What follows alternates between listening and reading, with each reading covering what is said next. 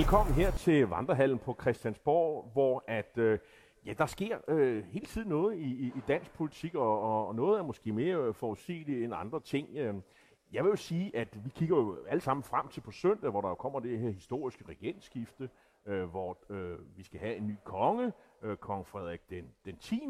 Og øh, jeg havde overvejet, Lars, at, øh, at tage et, øh, et, et, sådan et kongemærke fra Christian den 10. med i knaphullet, så ah, men det, det, det var måske lidt for meget. Men, men måske øh, var det en forkert øh, beslutning, fordi i dag kan jeg simpelthen se, altså nu her øh, øh, op til ved, ved, her over middag, så blev det faktisk meddelt, at Socialdemokratiet, det gamle republikanske parti, jamen de har haft gruppemøde, og så har de besluttet, at fra nu af, så står det frit for øh, medlemmer af Socialdemokratiet og medlemmer af Folketinget osv., at, og det vil sige også ministre fra Socialdemokratiet, at de kan modtage ordner fra hoffet. Hvad siger du til det? Jeg synes, det er opsigtsvækkende, at Socialdemokratiet er gået væk fra den her århundrede lange tradition ved at lægge afstand i virkeligheden. Ikke så meget til den konkrete regent, men til feudalvæsenet, netop til det her ordensvæsen. Jeg synes, det er opsigtsvækkende, men jeg er ikke overrasket, for den udvikling, der har været under Mette Frederiksen, har jo nærmet sig mere og mere ja. en sådan lidt mere er bødig tilgang, og for at sige det mildt. Og senest øh, ved nytårstalen, hvor hun jo sprang ud som royalist. Men jeg må sige, at det, grund til det opsigtsvækkende, det er, at man i Socialdemokratiet i mange generationer lidt har sværget til sådan et gammelt vers, der gik på, at ordner hænger man på idioter af P.A. Heiberg, jeg tror, det er helt tilbage fra 1790, og har jo været brugt, kan man sige, som netop et, en markør på, hvem der ligesom var i den gamle verden, ja, i det gamle altså øh, feudalvæsen og før demokratiet. Og de gamle socialister sagde, at det var noget med at knække sablen og bryde kronen, og, og, og der er de altså slet ikke øh, mere. Øh, Tværtimod, øh, de opruster, og, og nu er det så også øh, kongehuset, man omfavner. Det... De, har, de har altid sådan været med kongehuset. Det, det er jo mange år siden, de ligesom har sagt, vi, vi dropper den der principielle modstand, men lige her har de markeret, at de var republikanere, og de havde et andet synspunkt end de borgerlige. Ja, altså historisk har Socialdemokratiet jo haft en lidt pragmatisk tilgang til kongehuset. Altså hvis man går tilbage til noget af det mest spektakulære påskekrise i 1920, der var det jo i høj grad Torvald Stavning, den daværende socialdemokratiske statsminister, som i virkeligheden gyde lidt olie på vandene. Så man kan sige, historisk er ikke fordi, at Socialdemokratiet har været sådan praktiserende republikansk. Svend Augen, som du har belært mig om, fandt på det her begreb, ikke praktiserende republikaner og jarl. Det er jo også en betegnelse, du har brugt, og som Pernille rosenkrantz teil som jo tidligere var enhedslisten, og nu, er og nu er minister, og som jo også siger nu her til formiddag, at hun har tænkt sig at men, modtage ordner. Men Jarl, hvad vil det sige at være ikke praktiserende republikaner? Jeg skal jo ikke tale på andres vegne, og slet ikke de dødes, men øh, jeg opfatter det sådan, at jeg, jeg er jo liberal. Øh, grund, grundudstilling, øh, grundindstilling, og, øh, og jeg har det sådan, at hvis vi nu skulle starte helt forfra med, med Danmark, vi havde ikke nogen grundlov eller noget som helst, jamen, så, så ligger det fuldstændig dybt i mig, at øh, jamen, man skal jo ikke kunne blive født til privilegier og, og særlige positioner. Det må være noget, man sådan er meritter, altså noget, man, man tjener sig op til i samfundet ved, ved gode gerning, og hvad man nu har foretaget sig fornuftige ting, øh, og kloge mennesker sådan, de, de kan få lov til at få de høje stillinger i samfundet. Det er ikke noget, man fødes til. Det er mit grundlæggende øh, synspunkt. Øh, så, så derfor, hvis vi starter helt forfra, så slet ingen tvivl om, at øh, så er jeg republikaner. Det er jeg i hjertet, øh, helt tydeligt. Men øh, nu har vi den her institution, og øh, i hvert fald de sidste 52 år, og måske også længere end det, der har det jo egentlig for, øh, fungeret ganske udmærket. Dronning Margrethe har gjort det glimrende. Øh, øh, der har også været øh, ting, der ikke har fungeret særlig godt, øh, pussighed osv., men grundlæggende er stemningen jo også i befolkningen, at det fungerer jo egentlig meget godt. Og så kan man jo sige, hvorfor ødelægge noget, der egentlig fungerer meget godt? Og der har jeg det pragmatiske synspunkt, ja, øh, det synes jeg heller ikke, der er nogen grund til. Og når vi så har det, så skal vi også øh, forstå og, og, og som sige, give dem de ressourcer, der er nødvendige, give dem den mulighed, altså, øh, hvor de kan virke, og, og, og så må man også bakke op, også om den konge, der kommer. Det er sådan mit grundlæggende synspunkt. Vi har det, så lad os bakke op om Men det. Jeg, det, er, det er min øh, indstilling. Jeg vil beskrive mig selv som demokrat, og deri ligger, at jeg synes, det er afgørende, det er altafgørende, at dem, der påtager sig magt, dem der har mulighed for at bestemme over andre, at de er på valg. At vælgere, borgere kan ja, vælge nogle andre til at bestemme over sig selv. Og den grundlov, nu kom der lige en skoleklasse forbi, lige her øh, over ligger øh, grundloven øh, højtidligt, og det var for mig at se, kan man sige, et første skridt. I mange andre lande, der er man gået videre i forhold til at udbygge borgerrettigheder, demokratiske rettigheder, og i land som Sverige eksempelvis, der har man også i de senere årtier indskrænket, kan man sige, kongemagtens indflydelse på det politiske. Så for mig at se, ligger der stadigvæk, kan man sige, nogle landvindinger forud i forhold til at udvide demokratiet. Jeg må nok erkende, at det kommer ikke til at ske. Og, og det, synes ikke også, mindst, det synes jeg også, meningsmålingerne viser. Ja, og, og, og, og ikke mindst også, fordi Socialdemokratiet nu, kan man sige, har bevæget sig ind på den her kongetro øh, linje, som på en eller anden måde er med til ligesom, at holde det her gamle feudalvæsen øh, i live. Men hvorfor kommer det nu, Lars, tror du? Altså, er det fordi, man ligesom forsøger at omfavne den her begivenhed? Det er det jo under alle omstændigheder. Det er i hvert fald en kæmpe, det er jo en landsdækkende begivenhed, men det er i særdeleshed en Københavner-begivenhed. Folk kommer jo til valgfartet ind til, øh, til, til Christiansborg Slottsplads, hvor øh, at, at dronning, øh, hvad hedder, ikke, nej, det er ikke dronning Margrethe, det er øh, statsminister Mette Frederiksen, der kommer til at udråbe øh, prins Frederik øh, til kronprins Frederik til, til kong Frederik. Og, og det er der jo også nogen, der har problematiseret. Øh, vi har jo set, at Dansk Folkepartis formand, Morten Messerschmidt, har, har brugt anledningen til og, og sige, ah, men øh, skulle det ikke være dronning Margrethe, der skulle udråbe øh, kong Frederik? Hvilket øh, alle eksperterne har, har øh, sagt, det er noget sludder. Vi har haft den her øh, ordning siden øh, jeg tror det er 1863, at det er den fungerende konselspræsident, eller statsminister hedder det nu om dage, der udråber øh, den nye konge, skråstreg, øh, dronning. Men altså, øh, hvorfor, hvorfor tror du, det sker nu? Er det, er det simpelthen fordi, at de grebet af stemningen, det er en god anledning til at sige, nu siger vi farvel og tak til det gamle republikanske? Ja, statsminister Mette Frederiksen står jo i den kritiske situation, at meningsmålingerne, både for Socialdemokratiet, regeringen og hende selv, er styrtdykket. Og hun har brug for at gribe ud efter alt, hvad der kan give en stemning af opdrift og popularitet. Og det her, de har jo noget historisk svung over sig, og derfor kan jeg udmærket godt forstå, at man fra Socialdemokratiet, altså i første omgang, øh, fra lederen, formand, statsministeren, bevæger sig så tæt ind, hun overhovedet kan på at omklamre det her, og nu også fra Socialdemokratiet, altså åbne op for det her ordensvæsen. Så det er jo et forsøg på, i en tid, hvor det ellers går skidt for regeringen, og håbe på, at den popularitet, den sentimentale stemning, der er omkring dronning Margrethe, at den ligesom vil smitte af på regeringen. Så vi ser frem til, øh, når der er hofbal og, og, og der har nytårsku og alt muligt andet, så ser vi den ene socialdemokrat efter den anden komme belæsset op med ordner og stjerner og bånd osv., øh, klar til at, at møde dronning. Ja, det er så ikke dronning mere, det er så øh, kongen, men der, nu har vi også, vi får faktisk to dronninger, for der er jo både dronning Margrethe, hun fortsætter som dronning, og så er der jo dronning øh, Mary, som det jo hedder på dansk. Øhm, så, så der bliver øh, glæde i mange socialdemokratiske hjem, har jeg indtryk af, når de nu skal ud og, og, og investere i, øh, i, i, øh, men jeg, i stjerner. Men ja, det kan blive en kortvarig fornøjelse for statsminister Mette Frederiksen, for der er tumult, der er opbrud i det politiske landskab, også herinde på Christiansborg, som gør, at der er flere, der begynder at spå, at Mette Frederiksens tid som statsminister, ja, måske har fået en udløbsdato. For ja. det, der er sket... Ja, det, det, er, er, jo lidt, det er jo lidt udløberen for det, vi snakker om i sidste uge. Altså, der var det her interview med Alex øh, Vandopslag fra LA, der jo ligesom er det store parti blandt de blå, i hvert fald i meningsmålingerne, hvor, de, hvor han jo ligesom er på frierfødder i forhold til de radikale, der i øvrigt også havde nytårsstævne her øh, i, i, i, i, lige efter nytår, øhm, hvor man siger, kunne man forestille sig en eller anden øh, samling blandt de blå, hvor de radikale kunne indgå. Og der kom der jo pludselig, faktisk fra Nye Borgerlige, øhm, øh, lidt Danmarksdemokraterne også, og så synes jeg, der var lidt forskellige meldinger fra, fra, fra Dansk Folkeparti, øh, Morten Messerschmidt, men de er i hvert fald blevet fortolket som om, at han kunne godt samarbejde med dem, i hvert fald på en måde, hvor de så ikke indgik i en regering. Og det, der er jo interessant, det er, at der er flere meningsmålinger, der tyder på, at der måske lige frem kunne være et, et blot flertal alene.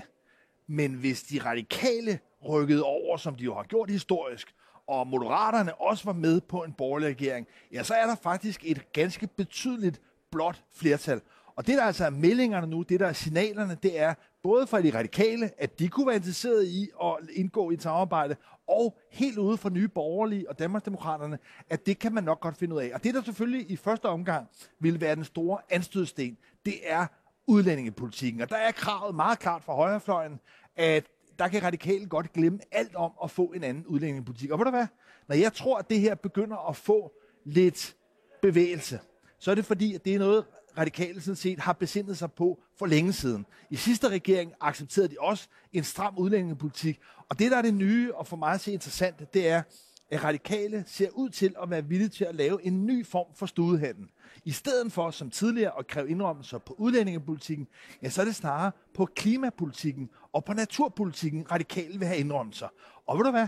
Det ser ud til, at det er en handel, som flere af de borgerlige partier faktisk ville være villige til. Og vupti, så har vi faktisk en tilnærmelse fra en meget stor blok af partier det, uden om Mette Frederiksen. Det lyder i mine ører, Lars, at, øh, som om, at du tror på den her øh, ting. Altså, nu introducerer det med klima, kunne man få indrømmelse der. Jamen, så har vi jo et parti som Inger Støjberg fra Danmarksdemokraterne, som jo i hvert fald på papiret jo omfavner alle klimamål, men politisk jo ikke vil levere. Berlingske har jo haft en historie her i, i ugens løb, der siger, jamen, øh, de vil ikke politisk levere det, der skal til, og, og så siger de så lidt øh, kægt, ja, men det kan man udskyde, og det behøver ikke være så, så, så, så vigtigt. Du tror simpelthen øh, også, at, øh, at Danmarksdemokraterne de er villige til at give de her indrømmelser til de radikale, bare for at få dem med for skiftet regering. Øh, du tror ikke på, for eksempel, at de radikale kommer øh, til i, øh, i, i, under en valgkamp jo at blive afkrævet et meget klart svar. Er I til det blå, eller er I til det røde? Vel at mærke, når vi alle sammen øh, er klar over, de radikale vælger er røde. De er, og de radikale folketingsgruppe er også rød. Den var i hvert fald så rød, at den ville ikke være med i SVM-regeringen. Det, der er vilkåret for radikal i dag, det er, at Mette Frederiksen, så længe hun er formand, der vil Socialdemokratiet reelt ikke have radikale med i regeringen. Det har været noget, der ligesom har været et fundament de var for... Da, de var da tæt på at komme med her øh, for et år siden. Jo, jo, men, men, men man opnåede socialt ikke enigheden, og det kan man så have men, et men, andet... Men, men var det Mette Frederiksen skyld? Det var da mere den radikale folketingsgruppe, der sagde, der sagde, der sagde det, havde, det, det, det, ville de ikke. Alt tyder på, at Martin Lidegaard var frisk på det. Der er ikke nogen tvivl om, at der var store dele af radikale, der var villige, og der var også del i folketingsgruppen, som ikke ville. Og Martin Lidegaard valgte så at træffe den beslutning. Det var ham selv, der træffede den. Han kunne have været med i regeringen, det har du fuldstændig ret i, men man valgte at træde ud. Men Mette Frederiksen har politisk, og også, kan man sige, zoologisk, om man vil, ført en meget, meget hård konfrontationskurs mod radikale og de radikale mærkesager.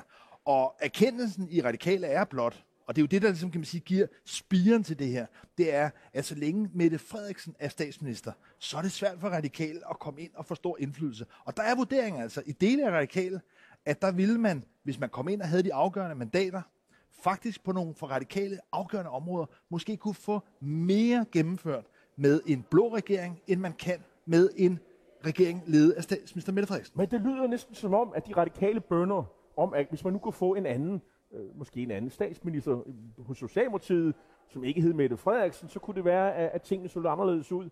Og øh, hvis man åbner, jeg tror det var Berlingske i dag, øh, der kan man jo se, at den tidligere minister, tidligere øh, overmester for øh, i København, og jo også tidligere næstformand i Socialdemokratiet, Frank Jensen, øh, jo sådan set udlægger arvefølgen øh, i Socialdemokratiet ved at sige, jamen det bliver Nikolaj Vammen, altså den nuværende finansminister. Og anledningen er jo, at øh, der er jo sket noget nede i Bruxelles. Øh, der har man jo øh, EU's formand, øh, Charles Michel, en belgier. Jamen, han har tænkt sig at stille op til Europaparlamentsvalget. Og, øh, og, det, og det gør jo så, at øh, hans øh, plads er lige pludselig åben. Og problemet er, at det er sådan lidt øh, i utid, fordi øh, han skal nå at stille op, og så kan han ikke være formand for, for, for det europæiske råd på samme måde. Øh, og hvad gør man så? Skal man så lave den der kabale? Og der har Financial Times, den her store britiske ansete avis, har spekuleret i, at Mette Frederiksen er en af kandidaterne. Så Vil jeg mærke en af kandidaterne? Ja, ja, altså, ja, det, jo, jo. Det, det, Men det er nok til, Lars, at det, det har sat strøm igen til alle spekulationerne om, at Mette Frederiksen er på vej væk fra dansk politik. Og så har man været hen og spørge Frank Jensen, og han siger Nikolaj Vammen. Hvad siger du til det her? Altså, er det, det er næsten for nemt at, at spørge dig om det. men, men, men det er jo ikke hjælpsomt for Mette Frederiksen. at den diskussion kommer igen. Nej, men, men hun har bare heller ikke nogen mulighed for at undgå den. Altså det forløb, der var sidste forår, som jo på en eller anden måde kan man, kommer, det kommer til at virke sådan lidt déjà vu det her, for det er det samme forløb. Der var, dengang var det NATO's generalsekretær post, der var i spil. Der skal man lige være opmærksom på, den blev jo faktisk ikke besat. Det var Jens Stoltenberg, der blev forlænget, så den er dramatisk nok også i spil. Så vi har altså et dobbeltforløb her nu, at Mette Frederiksen er både i spil til NATO, den rumler stadigvæk. Mange vurderer, at hollandske øh, Mark Rutte, som nu træder tilbage, at han er den oplagte kandidat. Men hvem ved? Og så er der altså ikke alene posten som øh, formand for forrådet, altså Charles Michel post, men jo også en ny kommission, der skal besættes. Så der er en masse poster, og det forhold, at Mette Frederiksen allerede så seriøs, som hun var sidste forår, er blevet bragt i spil, det gør altså, at man i Socialdemokratiet nu har det her opgør om arvefølgen. Og hvor vi har to fløje. Vi har den midtersøgende Nikolaj Vammen, som de radikale satser på. Og så har vi så justitsminister Peter Hummelgaard som venstrefløjskandidaten, som SF, Enhedslisten og, og de andre partier satser på. Og der er det, jeg er lidt overrasket over, at Frank Jensen, som jeg egentlig mente, i hvert fald i gamle dage, det var ham, der holdt, øh, som sige, øh, talen, anbefalelsestalen til, til Svend Augen, øh, i tilbage i 92. Han stillede også op lidt som, som venstrefløjens kandidat. Og nu går han så ud og anbefaler, ikke venstrefløjskandidaten, øh, men højrefløjskandidaten, hvis man kan bruge de der termer, venstre højrefløj i Socialdemokratiet. Er det ikke lidt pudsigt? Er det, eller er det et dødskys, eller hvad, hvad tænker du? Nej, dødskys er ikke, øh, jeg tror ikke, det er. Altså, jeg tror mere, det er også et udtryk for, at der er nogle generationer i, i Socialdemokratiet, som har nogle, nogle, nogle, nogle, øh, nogle relationer, og hvor Peter Hummelgaard jo repræsenterer en, en yngre generation og et nyt kult, kan man sige, af, af, af socialdemokrater. Så for mig at se, er der lidt et, altså er der mere et, et sådan generationskløft i det, end der måske egentlig er noget politisk. Men der er ikke nogen tvivl om... Måske er det sådan en uh, varmes tur nu, og, og det kan blive Hummelgaards øh, tid, tur øh, ned ad vejen. Øh, lad os nu tage det ja, rigtig række. Ja, jeg tror også, så der ikke bliver for meget ballade. Ja, altså det, der ligesom er den udbredte opfattelse, også internt i Socialdemokratiet, det er, at hvis Mette Frederiksen forsvinder fra dansk politik, hvis hun, om man så må sige, abdicerer i løbet af de kommende måneder, ja, så vil det være Nikolaj Vammen, finansministeren, der tager over. Og ikke mindst, fordi vi sidder nu i en regering, og det er en regering, som Nikolaj Vammen har været med til at smide sammen med ikke mindst Troels Lund Poulsen. Så, så, så det, det projekt, det regeringsprojekt, ja, det vil Nikolaj Vammen ligesom overtage ansvaret for. Og det først vil være så efter, at den regering måske kollapser, et nyvalg, ja, der vil Peter Hummelgaard så men, kunne komme til. Men det er jo sådan noget spekulation nede ad vejen osv. osv.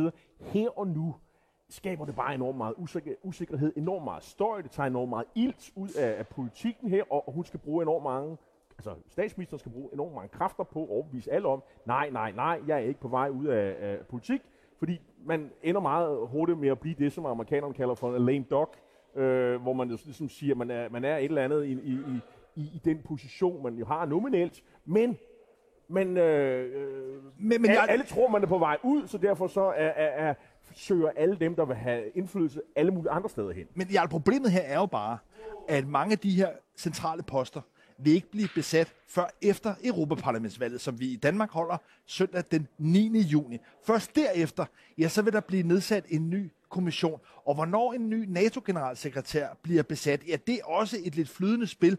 Så pointen er bare, at Mette Frederiksen ved i hvert fald på forhånd, at før efter den 9. juni, og udfaldet af Europaparlamentet, dernæst kommissionen, ja, så vil det her være noget, der kun vil tage Men, til i intensitet. Lars, det er jo et halvt år frem i tiden, hvor, hvor, hvor hun jo bare ikke kan, kan lave andet end at slå fra sig med arme og ben og benægte og alt muligt andet, og de vil bare blive ved.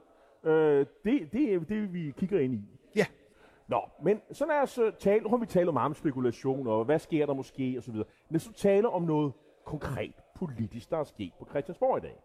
Fordi øh, Mathias Tesfaye, som er vores øh, ja, han undervisningsminister, øh, han er kommet med, synes jeg, et forslag, som vi prøver på at løse et af de der velfærdsstatsproblemer, vi jo har med arbejdskraft. For eksempel mangel på sosuer. Og, øh, og det synes jeg sådan set umiddelbart øh, øh, lyder egentlig øh, sådan praktisk egentlig meget, altså, jeg, nu skal jeg ikke sige fornuftigt, for så lyder det som om, at, at jeg sådan politisk omfavner det. Nu prøver jeg at være i kommentatorens rolle. Men det er jo noget med at give, problemet med sociouddannelserne har jo været, at der er enormt stort frafald. Og hvis man nu giver øh, de sosuer, der er over 25 år, øh, en, en elevløn, så vil det jo alt andet lige blive mere attraktivt. Det er i hvert fald det, der er forhåbningen. Og så skal de også have mere øh, dansk uddannelse. Det er også en af bestræbelserne, så, man, så de også kan komme ud og virke blandt øh, dem, de selvfølgelig skal servicere. Det er i høj grad øh, mange ældre. Øh, det er jo et, et sådan konkret politisk håndværk. Det kommer til at koste om i omegn af, jeg tror det var 50 millioner kroner. Er det noget, som øh, regeringen kan sige, jamen her, vi, vi, nu er vi ude at løse øh, nogle af de der problemer, der er i, i velfærdsdanmark?